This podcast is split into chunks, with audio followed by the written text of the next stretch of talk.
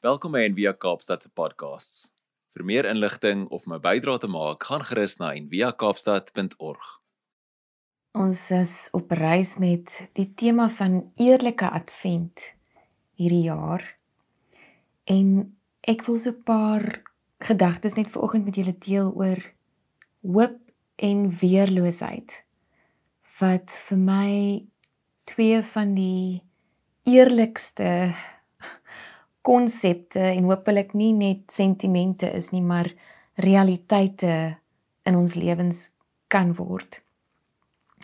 So ons oordink Christus se geboorte in hierdie tyd, elke jaar, duisende jare gelede en duisende myle weg van hier. Maar 'n besoek wat ons ons sinisme en ons die toestand van die wêreld tans ten spyt nog nooit heeltemal kon vergeet nie.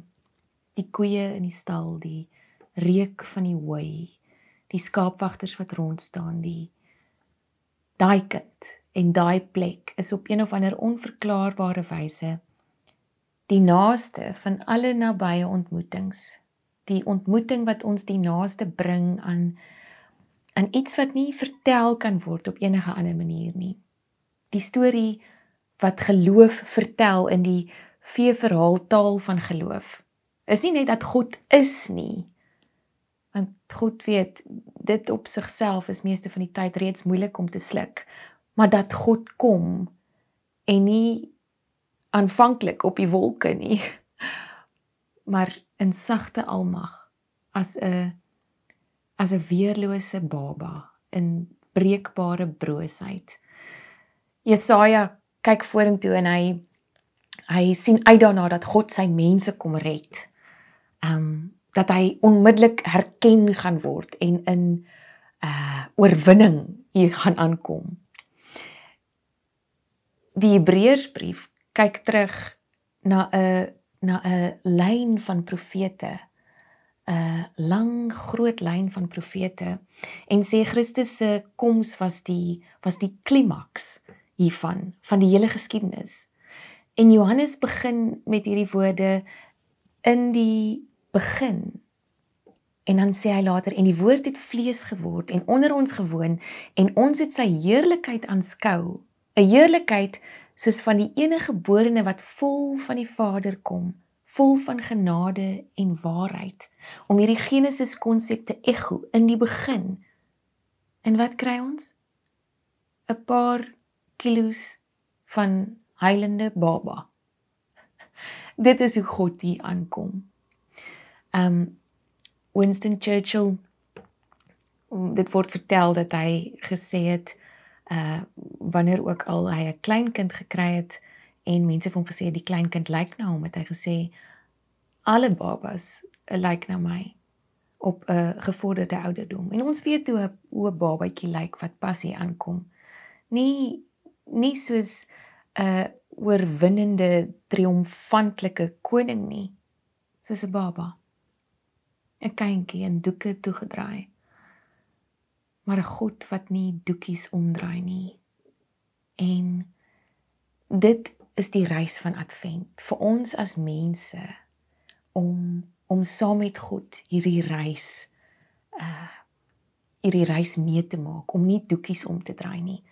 Die sagte brose genade vermeng met die in jou gesig ongesensorde onverbloemde waarheid.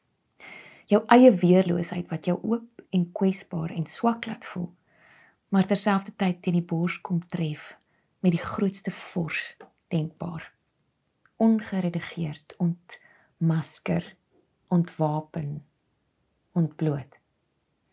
C.S. Lewis het geskryf to love at all is to be vulnerable Love anything, and your heart will certainly be wrung and possibly broken. If you want to make sure of keeping it intact, you must give your heart to no one, not even an animal. Wrap it carefully round with hobbies and little luxuries. Avoid all entanglements. Lock it up safe in the casket or coffin of your selfishness. But in that casket, safe, dark, motionless, airless. It will change. it will not be broken. It will become unbreakable, impenetrable, irredeemable. En hierdie tipe weerloosheid lyk altyd um, op 'n stadium eers soos 'n gemors. Maar dis ook die enigste gom vir ware verbintenis, vir gemeenskap, vir genoeg, vir geloof, vir gewaarwording, vir genade.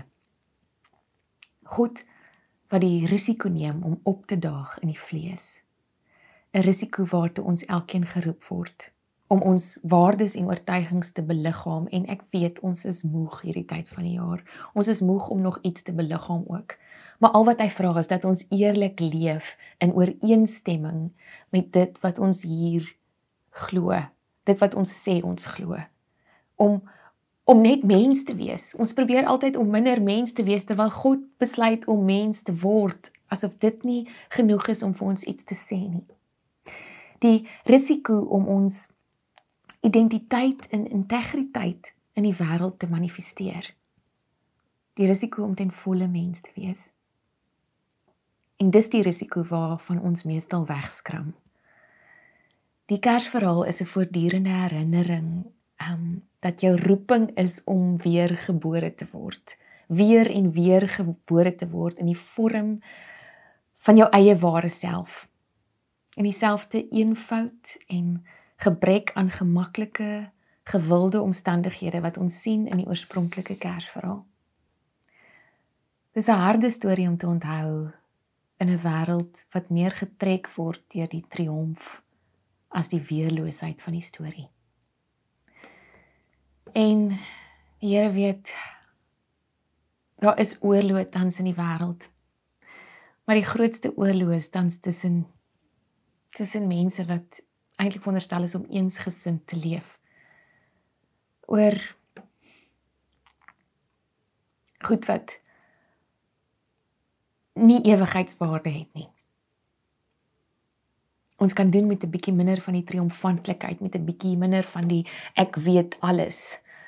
Um en 'n bietjie meer van die nederigheid van hierdie storie.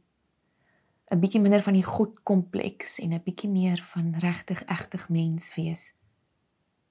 Want geloof minus weerloosheid is ekstremisme. En ons kan eenvoudig nie meer daarvan bekostig nie. Richard Rohr het gesê, The enfleshment and suffering of Jesus is saying that God is not apart from the trials of humanity. God is not aloof. God is not a mere spectator.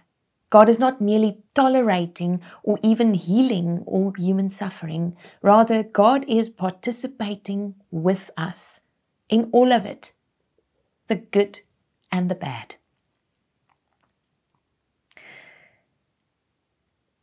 Advent herinner ons daaraan dat God ons ontmoet in ons weerlose plekke, in die weerlose plekke. God word mens die almagtige in 'n klein baba in 'n stal, nie in 'n hospitaal met met um verhitting nie. As weerlose mense beklei ons met ons gevoelens van vrees, angs, skaamte en nog meer. Maar daar is ook iets in ons wat hoop. En hoop is baie keer die eerlikste, mees weerlose ding wat 'n mens kan oorkom om om alles rondom ons dop te hou om te sien te sien wat aangaan om te sê wat gaan nie aan om om om God se goedheid te bevraagteken soms maar nog steeds daarop te hoop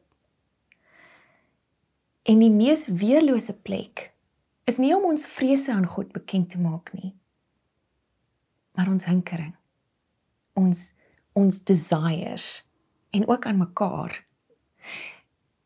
En dit is my so wonderlik in die in die woord al uh voor Christus se geboorte en daarna wat God vir Adam en Eva ontmoet op hulle mees weerlose kaal besig om weg te kruip.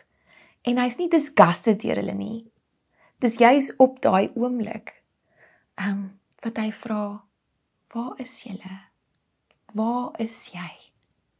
En dis uiteraard nie 'n geografiese vraag nie. Waar is jy? Want ek wil jou sien. En later vra Jesus weer: Wat kan ek vir jou doen? Wat kan ek vir jou doen? En dit is die die vraag wat wat hoop en en en weerloosheid in ons aanwakker en wil openbaar om eerlik te wees voor God om 'n eerlike uh, advent te kan meemaak hierdie jaar. Want God was weerloos. En God is nie bloot 'n toeskouer op hierdie klein wedstrydjie of hierdie ding wat ons hier opsit vir mekaar nie. God is 'n aktiewe deelnemer. God lei met ons en God is bly met ons en God voel met ons. God huil met ons, God lag met ons. God gaan saam met ons. Waar ons ook al gaan hierdie jaar. As dit nou nie meer oor see is nie, dan is dit nou hierso. Maar God is met ons. Ek hoop dat ek en jy hierdie jaar die guts kan hê omdat ons verhouding met hoop verander soos ons ouer word. As ons klein is, is dit bietjie makliker om opgewonde te raak oor Kersfees. Ons dink dit gaan nooit weggaan nie, daai opgewondenheid en dan dan taan dit wat ons word uitgedaag. Ons moet die guts hê om nog steeds elke keer weer op te daag ten spyte daarvan dat ons weet tussen al hierdie moontlikhede in die lewe is daar dalk 'n kans dat ons gaan seer kry.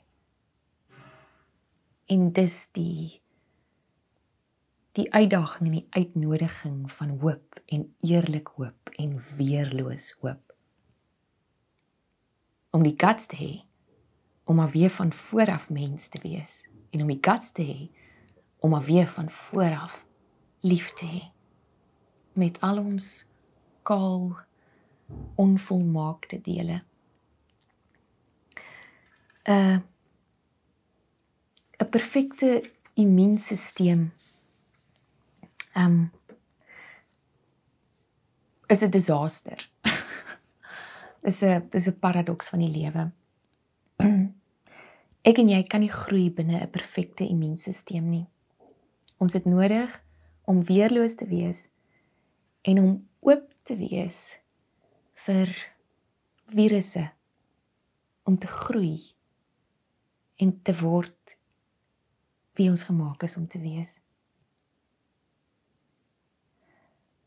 mag ons in hierdie seisoen wat voorlê vashou aan 'n hoop op dit wat ons dalk nog nie kan sien nie op blywende blydskap wat nie afhanklik is van omstandighede nie en binne 'n weerloosheid wat vertrou dat die God wat na my kyk in my weerloosheid en in my naaktheid nie disgusted gaan wees as hy my sien nie. Maar my net nog liewer gaan hê. Mag jou gewilligheid jou opdaag om weerloos te wees 'n seën wees vir die mense wat jou pad kruis. Omdat jy weet dat jou identiteit, jou vreugde jou hoop nie afhanklik is van dit wat met jou gebeur nie. Maar van iets veel dieper maar God jou ontmoet binne in daai plek. En mag daar genesing en diep vrede wees waar jy ook al hierdie seisoen gaan. Al is dit dalk nou nie meer oor see soos jy beplan het nie. Seën vir elkeen van julle. En ehm um, alles wat nodig is vir 'n vir 'n eerlike advent. Dankie dat jy saam geluister het vandag. Besoek gerus en via kaapstad.org vir meer inligting.